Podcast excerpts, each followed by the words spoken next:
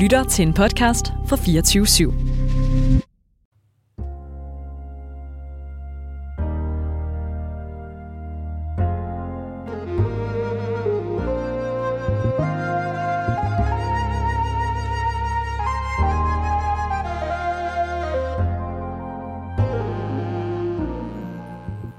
Velkommen til Den Brogede Vej. Mit navn det er Gunnar Tar Barkholdt, og det du lytter til, det er programmet, hvor vi vender karrierevejen på hovedet. Og det her, det er en ganske særlig sommer highlight edition, hvor jeg har taget nogle udvalgte klip, som jeg vil spille for jer.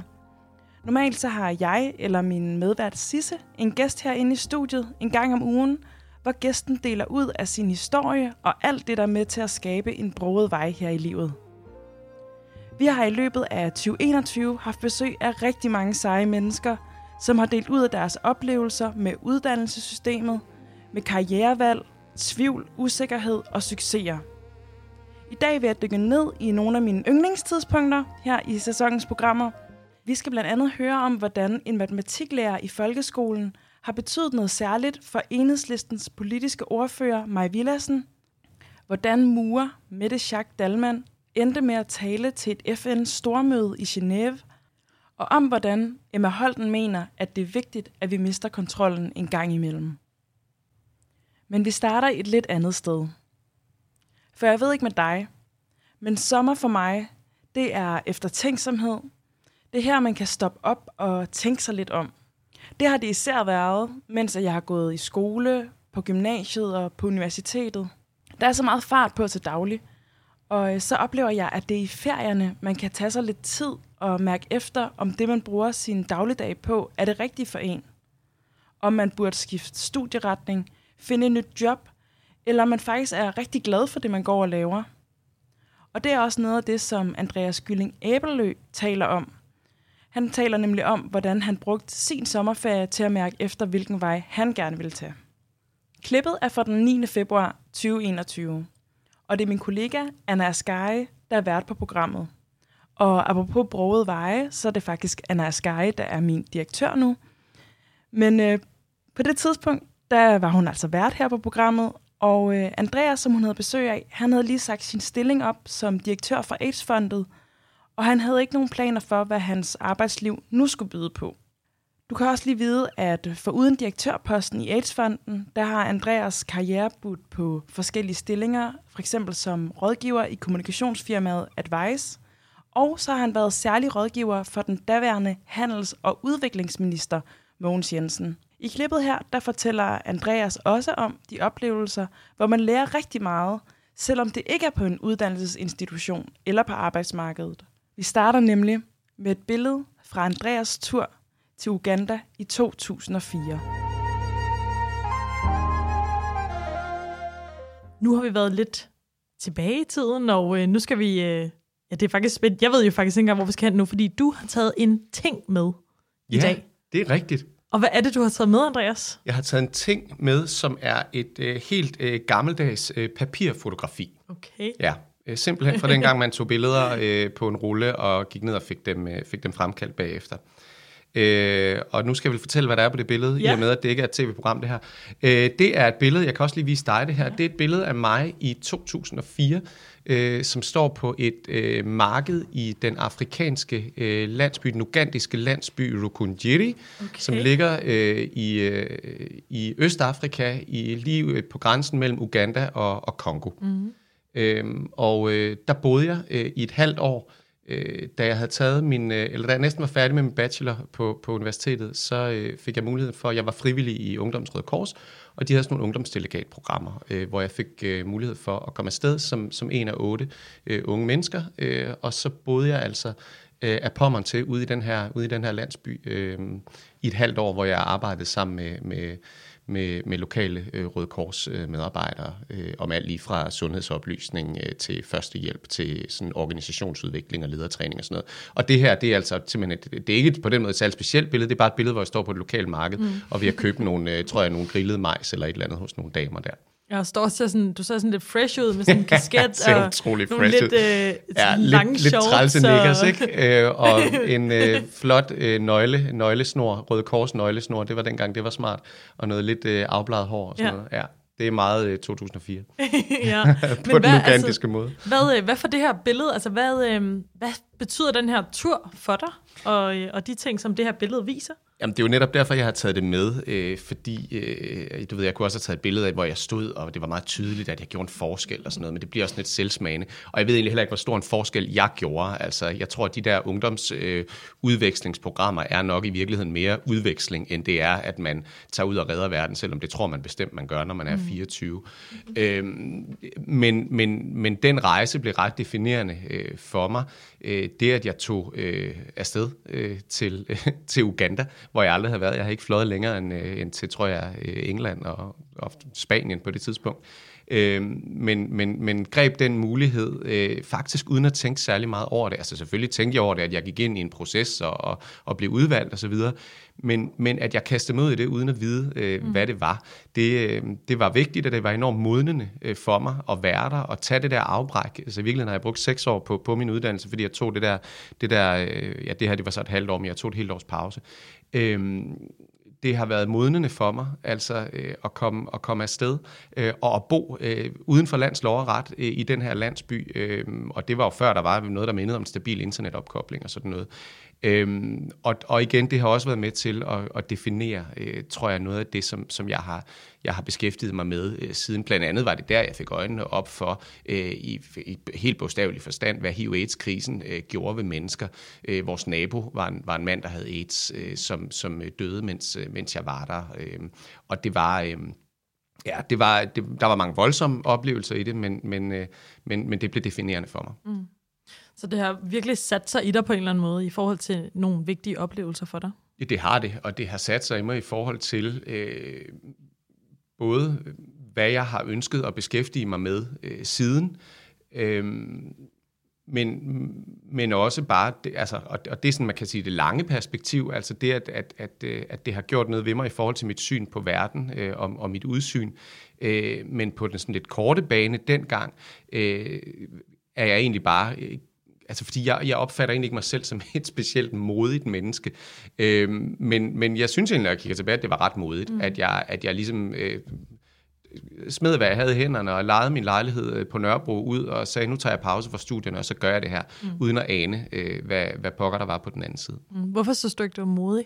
Øh, jeg er ikke sådan en, der, der egentlig bare kaster mig ud øh, i noget. Øh, det har jeg jo så kan man sige, gjort lige nu, hvor jeg har sagt mit, mit job op, mm-hmm. uden ja. at have noget andet. så, så jeg kan jo godt se, at, at jeg har... Men, men jeg tror bare, at i situationen... Man kan sagtens få at vide, at man er modig og ej, og alt muligt osv.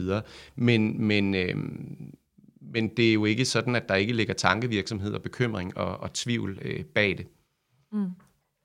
Ja, fordi nu kom du selv lige ind på det. Du har jo taget en faktisk ret vild beslutning om at, at sige op mm. øh, som, som direktør i AIDS-fondet. Mm. Hvordan fik du modet til den beslutning, eller hvordan øh, tog du den beslutning?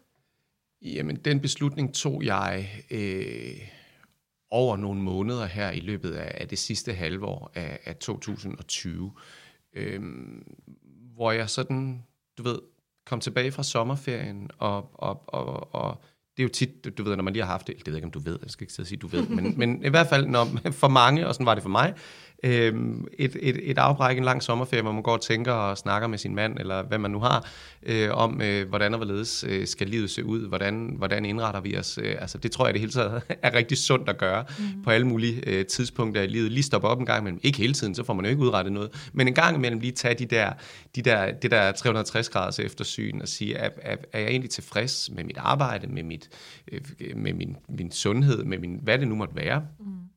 Og er man det, så kan man jo bare køre videre i fin stil, og er man ikke, så kan man jo overveje, hvad er mulighederne for at ændre på det. Og det var egentlig ikke, fordi jeg var utilfreds med mit arbejde. Det, det, det er ret vigtigt for mig at sige. Øh, og jeg kunne også godt være fortsat, for jeg var rigtig glad for det arbejde. Men, men der begyndte altså bare at, at der var sået et eller andet frø af, at øh, okay, skulle man prøve at se, om, om arbejdslivet kan se ud på en anden måde.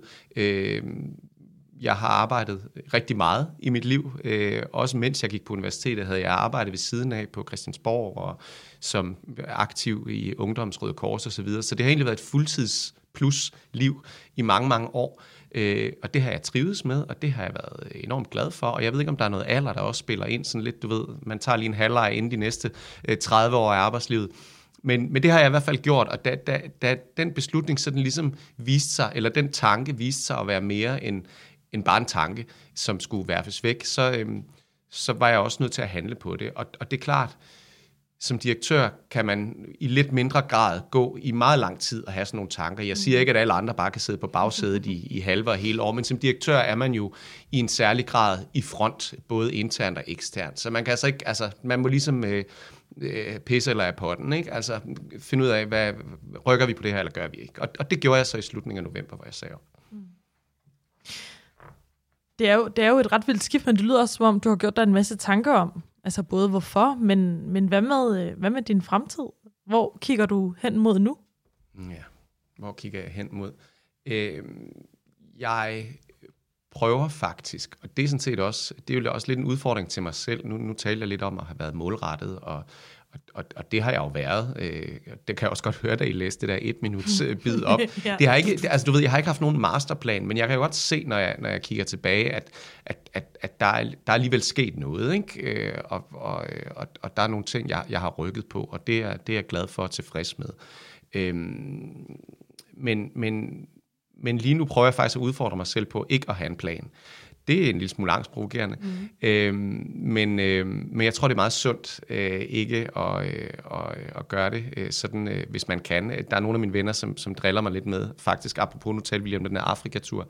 Da jeg kom hjem øh, fra, fra Uganda i, øh, i 2005, der blev jeg hentet af, af et par venner i lufthavnen, og jeg havde ikke, min lejlighed var lejet ud og så videre, så jeg sov hos, øh, hos, øh, hos dem og øh, jeg kunne ikke falde i søvn, og, og så øh, sad jeg der om natten, og så, øh, og så opdaterede jeg, sad jeg og opdaterede mit CV og sådan noget, så jeg kunne gå gang med sit wow, job. Ja, og det er sådan noget, de, de tager pis på mig med. ja. ikke? Altså, okay, vildt nok, du er lige kommet hjem fra den anden side af kloden, mm. og så sætter du dig om natten og opdaterer ja. dit CV. Og, og, og, og, og sådan har jeg nok været i mange, i mange sammenhænge. Så jeg prøver, det bliver et meget langt svar på dit spørgsmål, kan jeg, kan ja. jeg godt høre nu. Men, men, øh, men jeg prøver sådan set at, at, at udfordre, mig selv, udfordre mig selv på ikke at have en plan, og heller ikke at have. Det tror jeg måske er noget, som mange øh, tænker meget på, det der med også, hvad, hvad er narrativet om mig selv? Ikke? Hvad, altså, man bliver hele tiden spurgt, og det er jo også præmissen, det er jo ikke fordi, jeg skal udfordre præmissen for programmet, det er jo fair nok at spørge, men, men, men det der med, hvad så nu, og hvad skal du nu, og så videre, det kan jeg godt forstå, der også er andre, der spørger om, end, end, end, end dig. Øhm, så det der med at, at prøve at ture ikke at have et narrativ om, at nu skal jeg det. Det, det, er, sådan, det er angstprovokerende, men, men meget spændende. Mm. Så lige nu holder jeg fri, og, og selvfølgelig gør jeg mig nogle tanker, og jeg vil gerne skrive lidt. Og det er noget af det, jeg har været privilegeret at have en bestyrelse, da jeg var i AIDS-fondet, som, som gav mig lov til sideløbende med, at jeg havde det job, at jeg også kunne skrive klummer i Berlingske og sidde øh, på TV2 News en gang imellem og mene noget. Noget om alt muligt andet end, mm. end, end HIV-AIDS. Så, så måske kigger jeg lidt mere i den retning. Mm. Men jeg holder også bare fri. Det, altså, det, er jo, det er jo ret sejt i virkeligheden, ikke at have en plan og sige, nu holder jeg bare fri. Altså, det er jo, øh, det er jo nærmest, altså det ved jeg ikke, om man kan sige, om det er tabu, det er i hvert fald ret meget imod øh, den arbejdsetik, som i hvert fald ligger i tiden. Ikke? Du skal knokle, du skal mm. arbejde hårdt. Mm. Flere her i programmet har jo også sagt, altså øh, noget af talent og noget af held, men det meste af det, det er bare hårdt arbejde. Mm. Ikke? Mm. Altså, okay, ja. nogle gange skal man også bare holde fri. Mm. Okay. Ja. Altså, det synes jeg, der, det der er meget sejt, at have den plan, ikke? Jo, det kan du sige, og, og, og det er, altså, det er lige, lige den del med øh, at, og, ja, holde fri af en ting, men, men måske en anden dimension af det, det er det her med øh, ikke at lade sit arbejde øh, blive ens identitet. Mm. Øh, og det kan lyde sådan meget heldigt, øh, og, fordi selvfølgelig er ens arbejde en meget, meget stor del af ens identitet. Det har det også været for mig øh, hele vejen igennem, og det næste, jeg måtte kaste mig over, vil selvfølgelig også blive det. Så det er ikke for at sidde og være sådan, sådan helt frelst. Øh, men, men jeg tror bare, det er vigtigt, at man reflekterer over, øh, at, at øh, ens, ens identitet er andet end den der elevatortale, man lige giver, når man sidder til et selskab og skal, skal fortælle, øh, hvad man laver. Mm. Øhm, og, og, øh, og jeg var direktør med, med hud og hår i, i fire år, men det er faktisk vildt, synes jeg, at opleve. Nu er det, nu er det en måned siden, jeg, jeg sådan øh, stoppede. Altså, hvor meget, hvor, hvor, hvor, hvor væk det er, mm. altså for mig. Og det er jo ikke, fordi jeg ikke jeg holdt af det arbejde, jeg holdt mm. af mine medarbejdere. Jeg var vild med sagen, jeg, jeg var vild med at, at være på, og jeg var vild med forandring, og jeg var vild med, at uh, beslutningerne skulle tages hos mig, og alt det der. Men, men, men jeg er også helt væk fra det nu, og, og de er væk fra mig. Altså, de er da også super meget videre, og på den måde tror jeg også, det er sundt at opleve og opdage, at man er undværlig. Ikke? Mm. Øhm, og, og, og det har jeg jo oplevet forskellige øh, gange i min, i min ja, karriere, som det, jo, som det jo er. Også da vi, da vi tabte valget i 2015, og, og, og jeg stoppede som særlig rådgiver. Mm. Altså, øh, der er det jo sådan, at, at de særlige rådgiver ryger ud øh, med ministerne. Embedsmændene bliver der, men, men den særlige rådgiver er politisk udpeget. Så, mm. så hvis ministeren stopper enten i forbindelse med et valgnederlag, eller en, en rokade, eller på anden vis, mm. så ryger den særlige rådgiver også. Så der oplevede jeg også det der med at ja, ryge ud på røv og albuer, og have gået fra at være mega vigtig jo i kraft af, at man, man, man var noget øh, for en minister og sad mm. på, på direktionsgangen øh, inde i Udenrigsministeriet osv., fra den ene dag til den anden ringede telefonen. Ikke? Og, og det var ikke skide sjovt, men, men, men det er en vigtig, øh, det er en vigtig ting mm. at få med sig i livet. Nu skal vi smut forbi enhedslistens politiske ordfører Maj Villassens vej ind i politik. Klippet er fra den 6. juli, hvor min kollega Sisse Nedergaard Jensen var bag mikrofonen. Jeg synes, det her klip viser meget godt, hvor stor betydning de mere eller mindre tilfældige mennesker, vi møder på vores vej, kan have. Jeg oplever også, at det er gennemgående for flere af vores gæster her i programserien, at de i løbet af ungdommen har mødt en eller flere nøglepersoner, som har skubbet dem i en eller anden retning, som senere har haft stor betydning for dem. Her kan du høre Majs oplevelse af at blive set, og om hvordan hun selv forsøger at bidrage til at bane vejen for andre unge samfundsengagerede. Jeg har altid haft sådan lidt sådan en, alle skal behandles ordentligt, øh, retfærdighedssand. Så der kom en flygtningelejr, eller det var der faktisk i, i Kibæk lidt udenfor, da jeg var lille, hvor der voksede børn op, som jeg jo gik i skole med, og, og jeg kan huske, øh, så fortalte min far mig ligesom om, at det var der forskellige holdninger til. Og der var hende her, der hed Pia Kærsgaard, og hun kunne virkelig ikke lide, at der var nogle flygtninge, og jeg blev vildt bange for, at hun ville komme og kidnappe Mia, som var min veninde. Ja. øh, og og så, så begynder man jo at danne holdninger derefter. Ikke? Mm. Så ja, så blev jeg... Så hvad gør man så, når man sidder der i matematiktimen og hellere vil diskutere, end at lave matematik?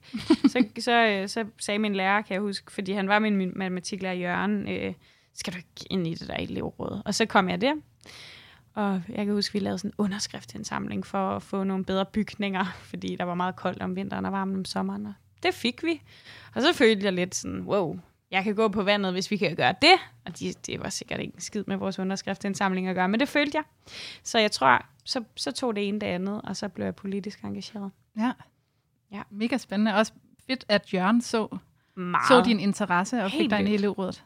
Jeg tror, at hvis ikke han havde været der, så er det slet ikke sikkert, at jeg havde siddet her i dag. Sådan tror jeg, at der er nøglepersoner i mange folks liv, som lige er med til at sige, skal du ikke? Øh, og det prøver jeg også rigtig meget selv at være, og særligt at være i politik for, for unge mennesker.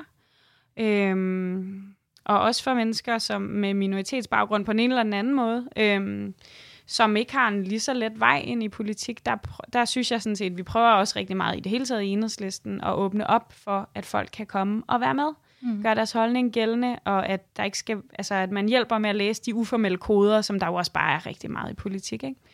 Jeg tror ikke, hvis ikke han havde været der, og andre, som har prikket til mig og sagt, du kan godt, du skal stille op til det ene eller det andet, så havde jeg gjort det.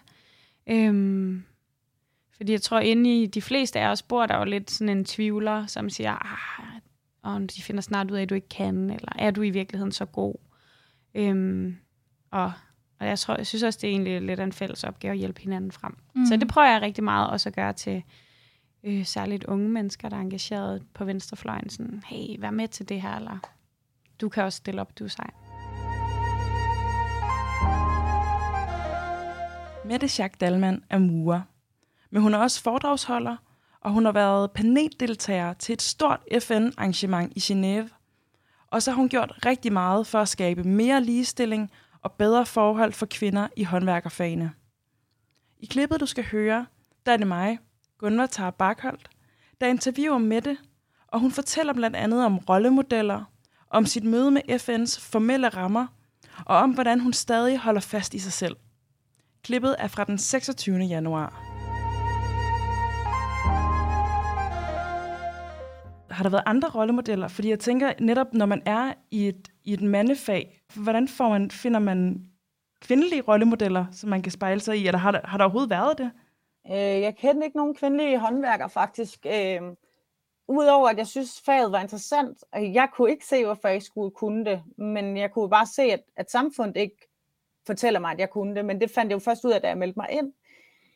Alle gange man nævner en håndværk, så siger man, jamen øh, en håndværker han, så man kønner jo mit fag rigtig meget. Jeg tror bare, at jeg ikke ville faget så meget, havde en kærlighed og en kæmpe faglig stolthed i felt, så havde jeg ikke kæmpet de her kampe, som gjorde, at jeg også var udsat, øh, fordi det kom i medierne og jeg har været ved at blive fyret og så videre, øh, på grund af, at jeg taler højt om, at det her skal ændres. Og når man rykker ved en kultur, der har eksisteret i så mange år, jamen så er det klart, at jeg, øh, hvad kan man sige, er farlig. Fordi jeg, siger, jeg står, stiller mig op og siger noget, der er nyt og anderledes, end hvad man er vant til. Så hvad kan man sige, jeg har ikke decideret haft rollemodeller i mit fag, øh, men det er jo også lidt det, det, der gør i dag, at, og dengang jeg tog kamp, det var, at jeg ønsker jo at være den rollemodel, jeg ikke selv havde, da jeg startede. Ja.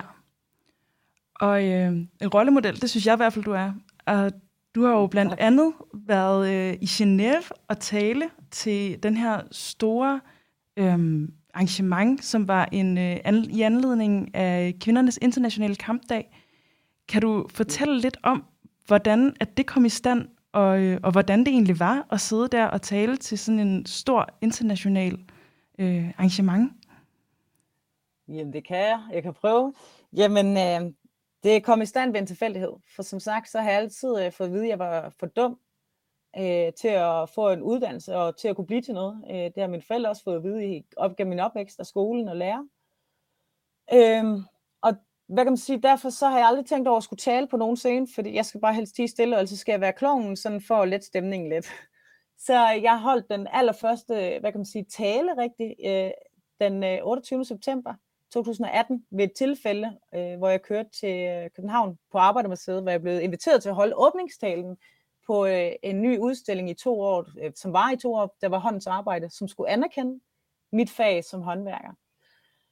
Og efter jeg holdt den tale 28. september, så gik der nogle uger, øh, hvor jeg så holdt en tale der øh, på øh, verdenskongressen i Bella Center i øh, København for 1200 ledere i hele verden med livestream. Og bag de skærme, der var der nogen i, nede i Schweiz i Genève i FN, som øh, så med, og som synes, at jeg var øh, sej og inspirerende, skrev det til mig. Og øh, der spurgte de, om jeg ikke kunne have lyst til at komme, øh, blive fløjet ind øh, fra øh, Danmark, og så øh, dele mine historier om det at være mig i et fag, hvor en håndværker er en mand.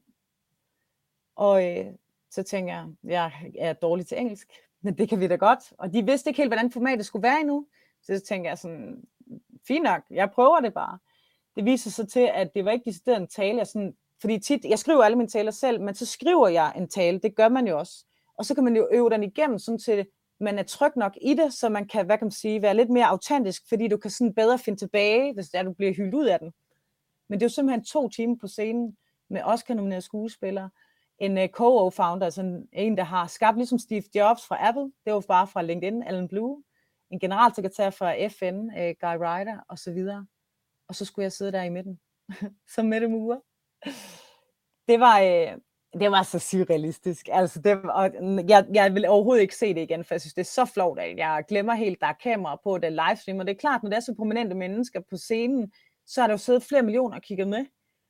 Øh, men jeg talte om øh, dernede, øh, i forhold til, at jeg ændrede loven i Danmark. Øh, så her i år, 2021, i juli tror jeg det er, der bliver min skurvogn, unisex-skurvogn, den bliver standard i hele Danmark.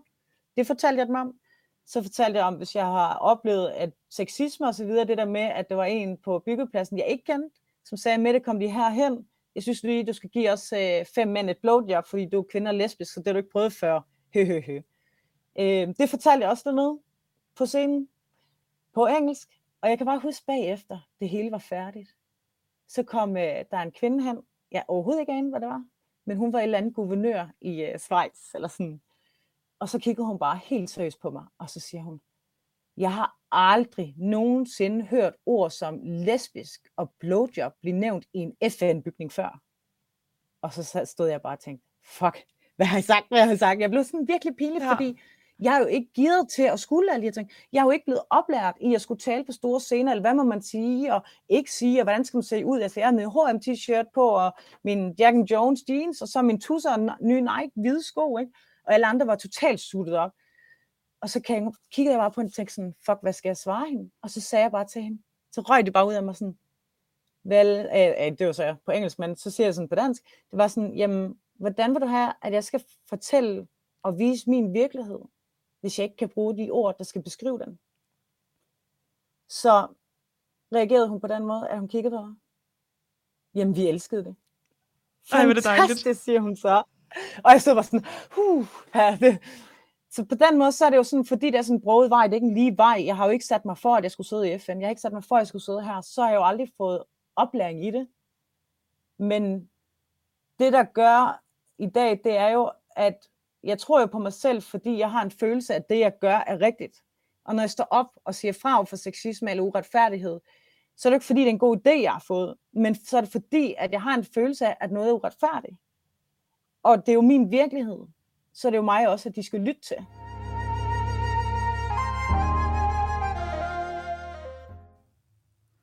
En af de ting, jeg holder rigtig meget af ved at lave det her program, det er, at jeg får indsigt i nogle livshistorier, som jeg ellers ikke ville komme i nærheden af.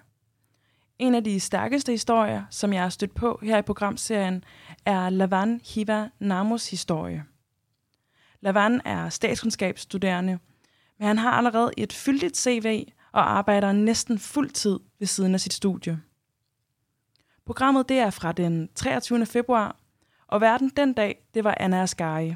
I episoden taler Lavan blandt andet om sin mors selvmord, hvordan han begyndte at være meget selvdestruktiv derefter, og hvordan det stadig afspejler hans arbejdsmetoder, samtidig med at han forsøger at balancere det destruktive og det kærlige.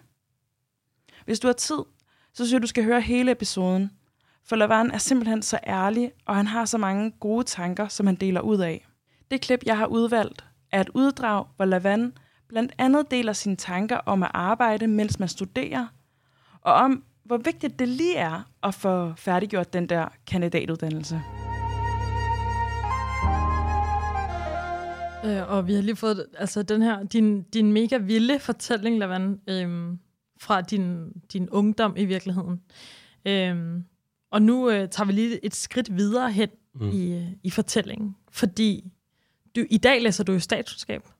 Ja. Og øh, var, du, var du interesseret i politik og i uddannelse dengang du var yngre? Ja, det må man sige. Altså, jeg ved ikke helt, hvor det kommer fra, men jeg har altid interesseret mig vanvittigt meget for, øh, for samfundsforhold. Jeg husker, at jeg, øh, jeg har gået på sådan øh, en sådan hippie-skole i Valby, øh, hvor man havde sådan nogle projektuger hver tredje uge. Jeg kan huske, øh, i 4. klasse, for 10 år gammel, så valgte jeg at sige, jamen jeg vil gerne dykke ned i mave. Øh, var han folkehelt eller øh, massemorder? Og, og, og jeg, jeg kan bare huske, at, at øh, jeg brugte selvfølgelig lang tid på at finde det der rigtige kommunistiske brune kostyme med den røde stjerne, og så skal jeg huske at stille mig op og, og holde sådan et oplæg om, jamen øh, det kan godt være, at han myrdede nogle millioner, men han redde jo rigtig mange for hungersnød. Så det var sikkert en rigtig god ting, og jeg bare huske min lærer, der bare sidder og sådan abort mission. Øh, og det, det, det, der var selvfølgelig galt på den. Men jeg tror bare altid, jeg har interesseret mig for, for samfund og for politik. Det, men, men det er ikke den vej, jeg har fulgt altid. Altså i gymnasiet, der valgte jeg øh, matematik på A-niveau og fysik, kemi, altså en naturvidenskabelig retning. Øh, og jeg kan huske, at da jeg skulle vælge uddannelse, så, så tænkte jeg, ah, statskundskab, hvad fanden kan man egentlig med det, ikke? Og alle fra gymnasium mm. gik på statskundskab, og så tænkte jeg, jeg, jeg søger ind på økonomi, politstudiet. Det er solidt, og, øh, og der har du metal at gøre, og arbejdsløshedsprocenten, den er på under 2%, så, så det er en sikker vej. Og så i det øjeblik, jeg søger ind og får brevet, du er, øh, du er indskrevet på studiet, så har jeg bare ondt i maven. Og tænker, shit, det skal jeg ikke. Mm. Og så søger jeg statskundskab. Og det har været det rigtige valg. Sådan. Fordi nu i dag, der læser du jo på kandidaten på statskundskab. Mm. Men som vi jo også lige har hørt, så laver du jo ekstremt mange andre ting. Altså, du er aktiv i debatten, du arbejder Ja, arbejder du egentlig fuld tid? Du arbejder næsten ja, fuld tid. altså jeg er ansat som, som konsulent, ja. øh, og, og har egentlig nogle af de samme forpligtelser, men mm. jeg vil sige, jeg, jeg studerer også på nedsat tid lige nu, øh, og jeg ved ikke helt, om jeg skal gøre kandidaten færdig lige nu. Øh, det må tiden vise. Ja, fordi har du overvejet at holde pause, altså fra, fra studiet, og ligesom bare fokusere på dit mm, arbejde? Jeg har holdt en pause mellem bachelor og kandidat, øh, og jeg har en enkeltmandsvirksomhed ved siden af, og har kunder som Novo Nordisk, og, Bæk og alt muligt forskelligt, ikke? og, og øh, jeg kan sagtens få arbejde. Øh, jeg kan godt lide at studere, men der ligger også den her, og jeg kan mærke, det er sådan en forfængelighed. Gider jeg være ham, der ikke blev kendt på, ligesom alle mine andre venner. Alle mine andre er i gang med at færdiggøre deres specialer, og øh, hvad sker der, hvis tingene går galt? Altså, er det så nok bare at have en bachelor? Det er det, alle andre gør, så jeg, jeg har så svært ved at, øh, at se mig ud af det. Hvis jeg skulle fortælle en ven eller rådgive dem, så ville jeg sige, ej, bare følg det, gør det, arbejde. Mm. Men når det kommer til mig selv, så har jeg svært ved at skulle gå den anden vej. Du vil gerne have den der titel, at du er kandidat, ja, så, eller hvad? Ja, men der ligger også noget i, at alle andre gør det. Mm. Altså en eller anden tryghed i at gøre som alle andre den synes jeg er svær at skrive sig ud af. I, øh, du var jo lidt inde på det her til at starte med, men i, i 2015, der vandt du jo DM i debat, mm. som er den, den her debatkonkurrence, der bliver holdt på Folkemødet på Bornholm. Øh, og der gik du hen og vandt som 20-årig. Hvad, hvordan har det påvirket øh, din vej eller din karriere? Jeg vil sige, det har faktisk været, altså det var et vendepunkt. Altså det, det, det var afgørende, fordi det var derfra, at, at øh, sådan min oplevelse er, at, at, at det udløste ligesom en række andre ting, der udløste flere ting. Altså, øh, så vandt jeg dem i debat, så spurgte politikken, om jeg ikke ville skrive fast for dem. Det gjorde et års tid. Øh, og øh, det åbnede også nogle andre døre. Altså, øh, jeg var 21 år, da jeg fik mit job i det, der hed, dengang hed LO, som ligesom er dem, der repræsenterer alle medarbejderne. Øh, hvor de oprettede en stilling til mig, sådan så jeg bare kunne skrive øh, debattenlæg og, og, og, og taler. Det, det tror jeg, det var jo ikke sket, hvis ikke jeg havde den titel, hvis ikke jeg havde skrevet for politikken, fået det privilegie, som det også er, at, at skrive fast i en avis. Øh, og det har så ført nogle andre muligheder med sig, så det var bare åbnet vanvittigt mange døre. Mm. Altså, øh, Hvorfor stillede du op til konkurrencen? Jamen, øh, det startede egentlig med, at jeg gik på politikens debattør kritikerskole øh, øh, efteråret 14. Og de havde en debatkonkurrence den sidste aften, og den går jeg hen og vinder, og, og, og så var præmien, at man fik en billet til DM i debat. Øh, så det var egentlig bare øh, sådan lidt tilfældigt, at, at øh, det ligesom skete. Øh, og så tænkte jeg, jeg kan, ikke, altså jeg kan ikke lade være med at blande mig, jeg har en holdning. Og jeg tror også på det tidspunkt var jeg sindssygt frustreret over, at mange af de unge, der ligesom var i debatten, at enten så var det øh, brune mennesker, som skrev om integration, og så kunne de ligesom på en platform, eller også så var det ungdomspolitikere. Og, og jeg mener godt, du kan have en holdning og engagere dig i, i debatter om pension og alt muligt andet, uden at skulle være en eller anden, der har fundet sandheden som 15-årig. Øh, så det var en af motivationsfaktorerne til at, til at, øh, at, at deltage i konkurrencen. Så du synes faktisk også, at der manglede nogle stemmer på det tidspunkt i debatten? Klart. Mm. Altså, øh, min egen, det, øh, nu er jeg så fastskribent igen hos politikken, og, og, og en af de første ting, jeg sagde til dem, det var, det vil jeg virkelig gerne, men jeg har en betingelse, og det er, jeg gider ikke at debattere integration eller bruge emner. Fordi jeg synes, at det vi mangler, det er nogle unge med anden etnisk baggrund, som diskuterer alle mulige andre emner. Altså, jeg kan ikke komme på, på, på nogen brune debattører, som ikke er blevet øh, store navne, uden at skulle diskutere det. Øh, og jeg er jo en lille lort og ukendt og alt det der, så, så fred være med det. Men det er bare mit projekt med det for eksempel.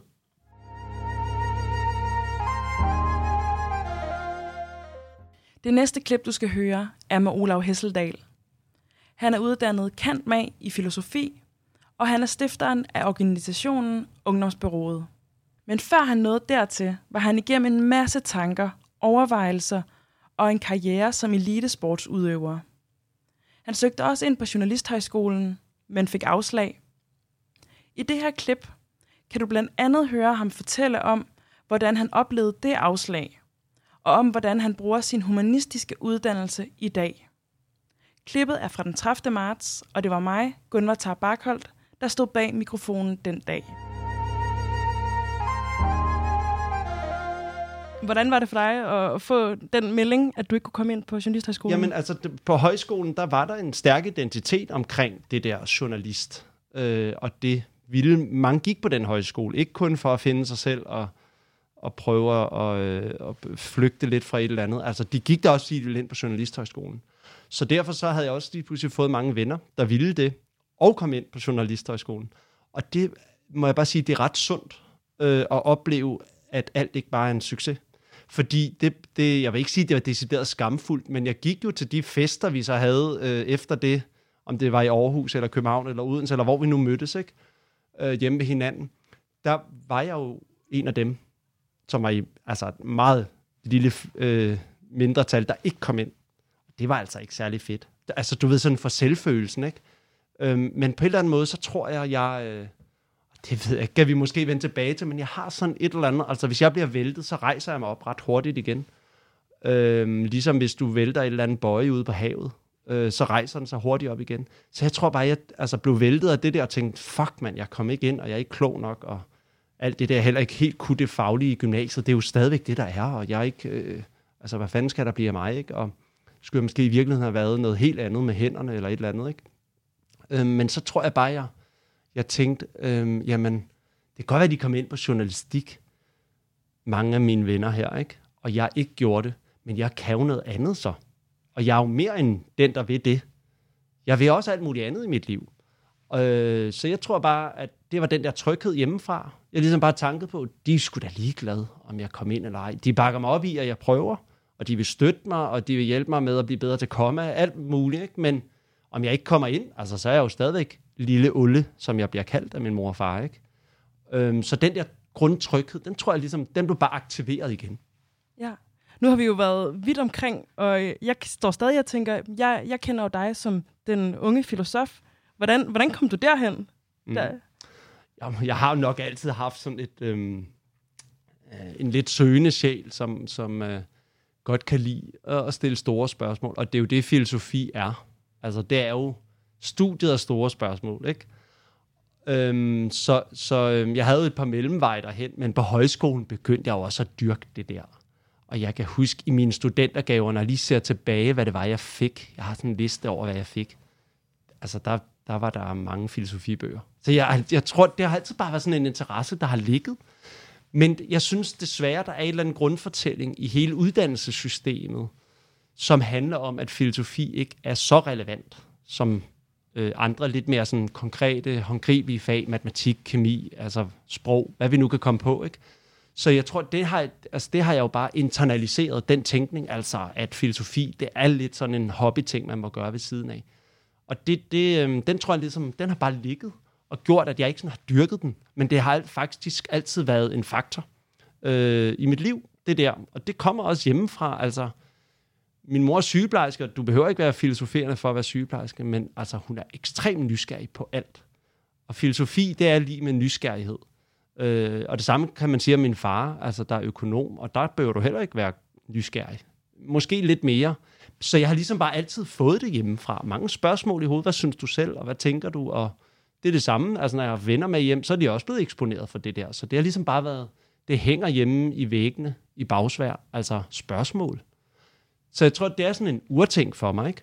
Og på højskolen, der dyrkede vi det også, og det var voldsomt fedt. Og jeg kunne lige pludselig, altså, det var ikke en intellektuel ting, det var også en fysisk ting for mig. Og vi skulle prøve at et eller andet syret gang danse Heidegger og sådan noget. Altså, der blev det lidt sådan, okay, filosofi kan være mange ting for mig. Altså, det, det er ikke kun noget med at læse et værk på 700 sider, vel? Øhm, mindre kan også gøre det. Og hvad så her i dit arbejdsliv? Altså, nu, nu er tænker jeg, at du har stiftet en organisation, og du har stiftet et folkemøde. Hvordan, øh, hvordan bruger du filosofien i dit arbejdsliv? Jamen, jeg øh, bliver stillet det spørgsmål i ny og næ, også af nogen, der øh, studerer filosofi, og selvfølgelig er meget interesseret i, hvordan øh, altså, deres egne studier i filosofi, hvad, hvad kan det føre til, hvis de ikke vil være forskere, for eksempel? Ikke? Og så ser de på mig, og jeg er blevet en kald filosofen og sådan noget, ikke? Og Øh, der findes desværre ikke et enkelt svar på det. Øh, det er ikke sådan, du kan slå op på side 57 i Sign on Side af Heidegger, og så sige, det der, og hvordan kan vi så bruge det? Det er mere en tankegang, vil jeg sige. Man forfiner ved at læse alle de her enormt kloge mennesker, der tænker over de der basale spørgsmål, som hvad er frihed, hvad er kærlighed, øh, hvad er grænser.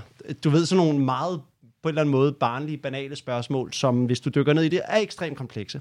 Og når du raffinerer den metode, som du gør på filosofi, så opnår du en tilgang til verden, som øh, jeg har brugt meget i mit arbejde.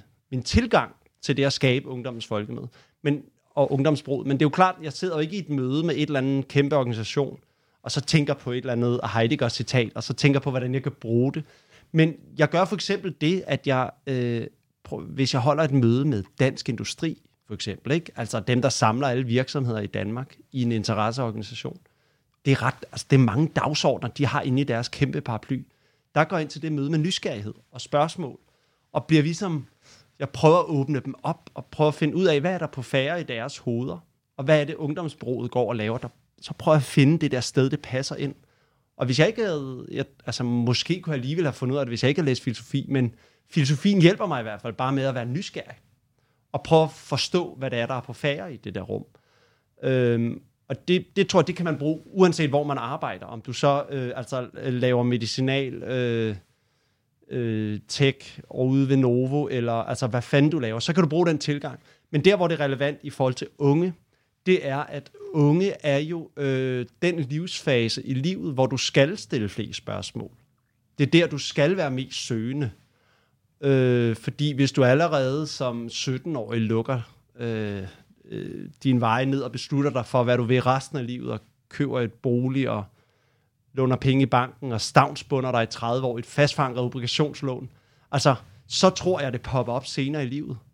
Altså, øh, alt det, der sker fra du er øh, 12 til du er 30 eller 35, eller når ungdommen nu er, det er en fase af livet, hvor du er et søgende, altså, hvor du er et søgende væsen. Og, og den betingelse, altså når det er ungdomsbrugets målgruppe unge, så er det bare Altså, så er det noget, jeg kan bidrage med. Så jeg bruger den filosofiske tilgang i hele øh, den praksis, der er omkring, at unge skal mobiliseres til demokratiet. For demokratiet, det er heller ikke en fast størrelse. Der skal man også stille spørgsmål til det. Og der bliver man nødt til at ændre rammerne for demokratiet, for at få det til at passe til ungdommen. Og det er jo det, vi prøver at gøre med ungdomsbyrået. Så jeg tror sådan, hele min filosofiske baggrund, den bruger jeg til at stille alle de her spørgsmål. Og jeg har ikke selv svarene, men jeg har spørgsmålene. I 2011 var der en person, der delte nøgenbilleder af Emma Holten uden hendes samtykke. Siden der har hun talt offrenes sag og kæmpet for retten til privatlivets fred på nettet. Emma har også arbejdet for FN, holdt en TED-talk, været debattør og deltaget i paneldebatter og konferencer. I 2014 blev hun lands- og verdenskendt med sit projekt med navnet Samtykke. Den 21. september 2020 var hun også forbi den brogede vej her i studiet, hvor den daværende vært, Anna Askai, interviewede hende. Det lød blandt andet sådan her. Vi har i dag Emma Holten i studiet her i vores lille tårn. Og øhm, vi snakker om din karriere, din vej gennem livet. Har der været øh, nogen øh, bestemte personer for dig, en definerende person igennem din karrierevej? Ja, man må jo sige, at den person, der lækkede de nøgenbilleder af mig, har været rimelig definerende for, hvor min vej ligesom er gået. Altså, jeg tror, at, at sådan, der er meget... Øhm, hvad skal jeg, jeg synes, det er meget tabubelagt, det her med at tabe kontrollen over ting. Og meget af mit arbejde har ligesom handlet om det her med at udforske kontroltabet. Øhm, og være sådan, okay, hvad gør det ved dig, når nogen pludselig gør noget ved dig, som gør det umuligt at leve på den måde, du havde regnet med. Ikke? Og det har den person, der har, der har gjort det her mod mig, jo, jo gjort ved mig. Øhm, og, og jeg tror, at ved, hvis jeg skal tænke over det nu, så er jeg på en måde også sådan taknemmelig over for det, der er sket, fordi at det også har åbnet mine øjne for, hvor lidt kontrol man har. Og det er på en måde også en lettelse. Altså jeg tror ligesom, at jeg levede med en eller anden forståelse af, at jamen prøv at høre, det var også sådan, inden jeg var feminist og sådan noget, ikke? jeg var bare sådan, prøv at høre, jeg er en stærk kvinde, jeg har sgu ikke brug for, at der er nogen, der fortæller mig, at jeg er et offer for noget som helst, og jeg kan sgu godt selv vælge min vej i livet og sådan noget. Øhm, og, og det her med at have den her oplevelse, selvom den var fuldstændig redselsfuld, og jeg på mange måder ikke ønsker det for min værste fjende, så var det også enormt vigtigt for mig at forstå, hvor lidt kontrol vi har over vores liv. Og hvor mange mennesker, som taber kontrollen over deres liv, fordi de bliver syge, eller udsat for en ulykke, eller diskrimineret, eller marginaliseret, eller vokser op i fattigdom, eller alle de her ting, som kan, som kan være uden for din egen kontrol. Og jeg tror bare, at det har været enormt vigtigt for mig øh, at få den erkendelse. Og den erkendelse ville jeg ikke have haft, hvis ikke det var for den person. Så jeg tror helt klart, at det er den person, der har, har ændret mit liv allermest. Øhm, og hele mit udsyn, og, og, og selvfølgelig også min, min karriere. Det er jo bare en, det er så vildt, altså når du, når du vender det om på den der måde, synes jeg. Altså det er også sådan virkelig stort, at du vender det om til noget, noget givende for dig som menneske. Det synes jeg egentlig er ret vildt. Altså, men det har jo måske været den, den største episode i dit liv, eller sådan. Ja, det er det værste, ja. der nogensinde er sket for mig. Ja. Altså, det er det virkelig, og men det har bare været så skældsættende, fordi det har ændret hele mit politiske kompas, og det har ændret hele min karriere, og min retning, og mine interesser. Øhm, og og jeg, jeg synes, det er meget svært at tale om det, uden at, at minimere det. Altså, fordi det er jo selvfølgelig fuldstændig altså, redselsfuldt, og skal, skulle aldrig nogensinde være sket. Men, men samtidig så er der rigtig, rigtig mange mennesker, der oplever ting, der aldrig nogensinde burde være sket. Altså, det er jeg virkelig ikke alene om. Jeg har lige en ven, der er væltet på cykel, ikke? Og ikke kan høre på det ene øre. Altså, det burde heller aldrig nogensinde være sket. Øhm, så jeg tror også, at vi er nødt til at få et sprog for de ting, der aldrig nogensinde burde være sket. Kan vi godt tale om dem som forfærdelige, og som at vi gerne vil minimere risikoen for, at de her ting sker, men samtidig også sige, at der også er et potentiale i dem. For os, også for bare sådan på sådan et rent personligt plan. Jeg ville jo aldrig nogensinde komme ud af sengen, hvis jeg kun lå og tænkte på sådan, okay, fuldstændig øh, tilfældigt blev jeg ramt af ubeskrivelig, ondskabsfuld seksuel vold, og det kommer jeg til at blive resten af mit liv. Altså hvis jeg lå og tænkte på det hver morgen, så ville jeg jo aldrig nogensinde kunne, kunne se verden fra et andet perspektiv end det. Og sådan nogen, har, nogen morgener har jeg det da også sådan. Men, men jeg tror også, at man er nødt til, og det er ikke sådan noget look on the bright side-agtigt. Det er mere bare sådan, hvad har du lært? Altså, hvad har det her fortalt dig?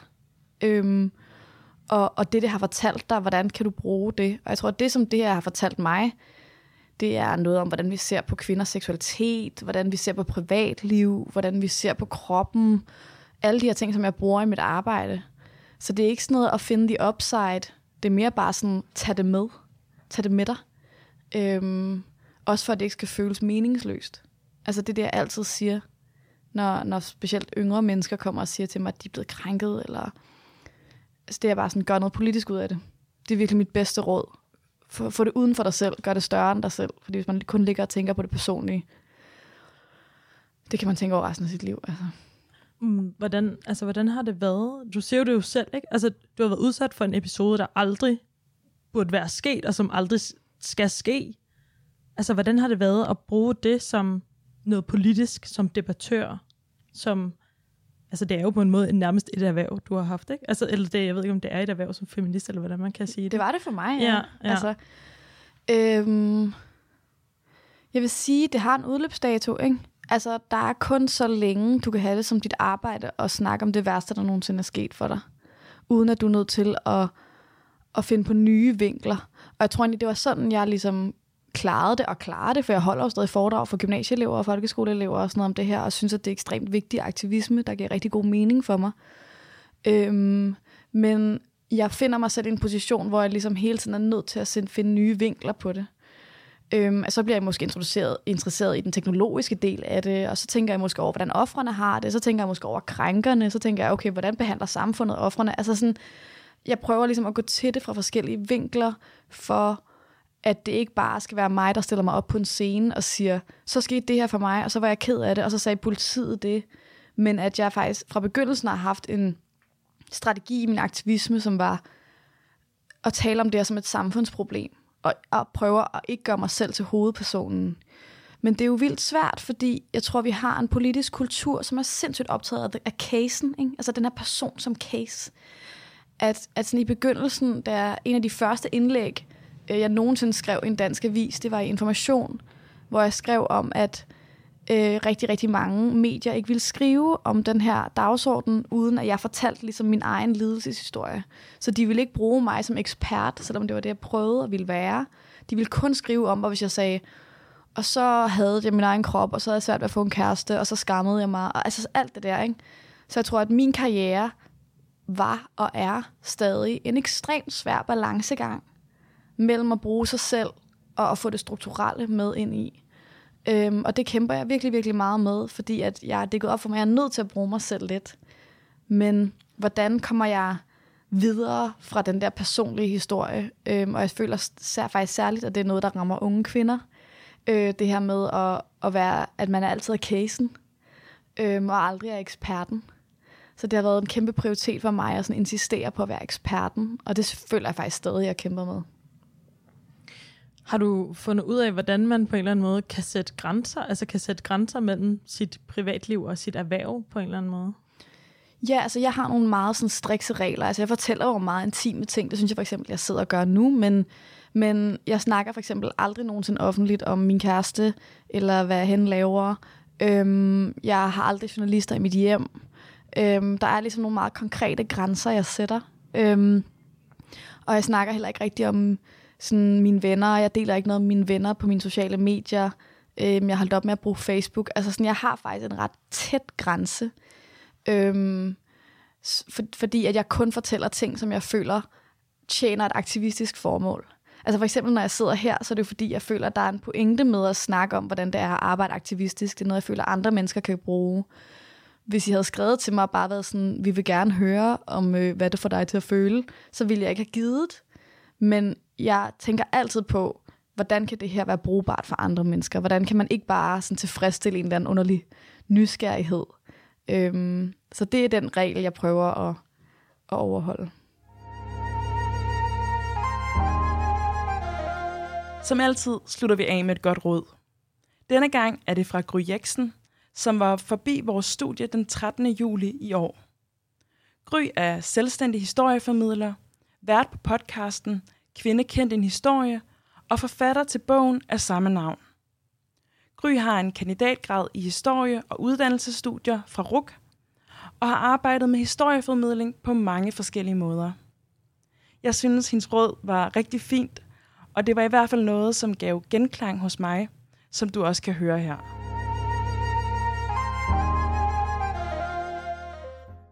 Hvis nu du skulle komme med et råd til en ung i dag, måske hvad du selv gerne ville have hørt, da du var 18 år, har du så et bud på, hvad, hvad det kunne være? Jeg, ved, jeg tror faktisk, jeg vil sige mit yndlingscitat. Søde og artige piger, de kan komme i himlen.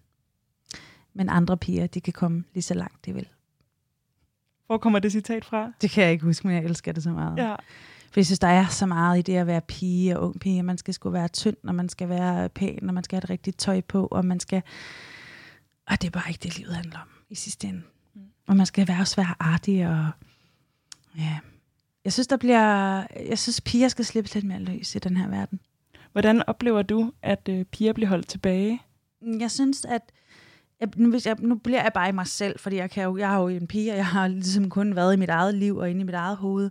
Men jeg har det helt klart spildt. Altså, tror jeg, i kalenderår flere år på at øh, fylde min hjerne og bruge min energi på, øh, og, og, og jeg var tynd nok. Altså, og det synes jeg er, altså, jeg er rasende på vores samfund over det. Sådan. Altså, men jeg kan også se, at det er ikke noget nyt kropsidealer har altid styret meget. Det kan godt være, de har ændret sig, men, men jeg synes, at, øh, at vi er virkelig hårdt ramt på det, fordi jeg synes, når man kommer ud på den anden side af det, hold kæft, hvor kan man bruge sin energi på mange andre fede ting. Ja. altså.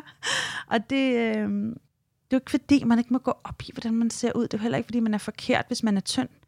Men jeg vil bare virkelig, virkelig ønske, at vi havde mere fokus på at være glad i stedet for at være faglig og være dygtig og være alt muligt andet. Altså, ja, ja. jeg kan virkelig godt genkende det. Jeg har også brugt mange år på at jamen, netop kun måle mig selv på ydre faktorer, mm. hvor jeg måske har set det sådan lidt sekundært, at jeg også var alt muligt andet. Men, men først og fremmest var det min ydre fremtoning, som var, mm. var mig. Og når jeg har rigtig dårlige dage, hvis jeg er meget træt, eller hvis jeg bliver usikker, som vi snakkede om tidligere, så kan jeg godt have sådan en stemme. Jeg kan stadig have sådan en lille stemme inde i mit hoved, der siger, Gud, nu har min bog solgt rigtig meget, hvor er det dog fedt, og jeg har lige fået den her vild dejlige besked fra en følger, der, der skriver, at vedkommende har fået rigtig meget ud af at læse min bog, og øh, nu har jeg også fået lov til dit og dat i mit arbejdsliv, hvor er det dog dejligt. Og så kan jeg godt have sådan en lille ond stemme i hovedet, der siger, ja, men du er ikke tynd, så prøv at lade være at glæde dig for tidligt. Ikke? Mm. Og den er jeg godt og grundigt i gang med at, at, at tale med og sige, gider jeg ikke høre på dig? Mm. Det, er ikke, det, er ikke, det er ikke det, der betyder noget. Vi er nu nået til vejs ende for den her highlight-udgave af Den Brogede Veje. Hvis du har lyst til at høre nogle af de episoder, som jeg har afspillet klip fra i dag, så kan du finde dem der, hvor du ellers lytter til dine podcasts. Bare søg på Den Brogede Vej, så dukker episoderne op. Og så fortsætter vi også med at lave nye afsnit, og dem er vi snart klar med. Programmet det er produceret af Ungdomsbyrået og optaget i vores tårn på Nørrebro. Jeg håber, du har en rigtig dejlig sommer, kære lytter. Og husk, den lige vej, den er ligegyldig. Det er den brogede vej, der er bedst. Vi lyttes ved.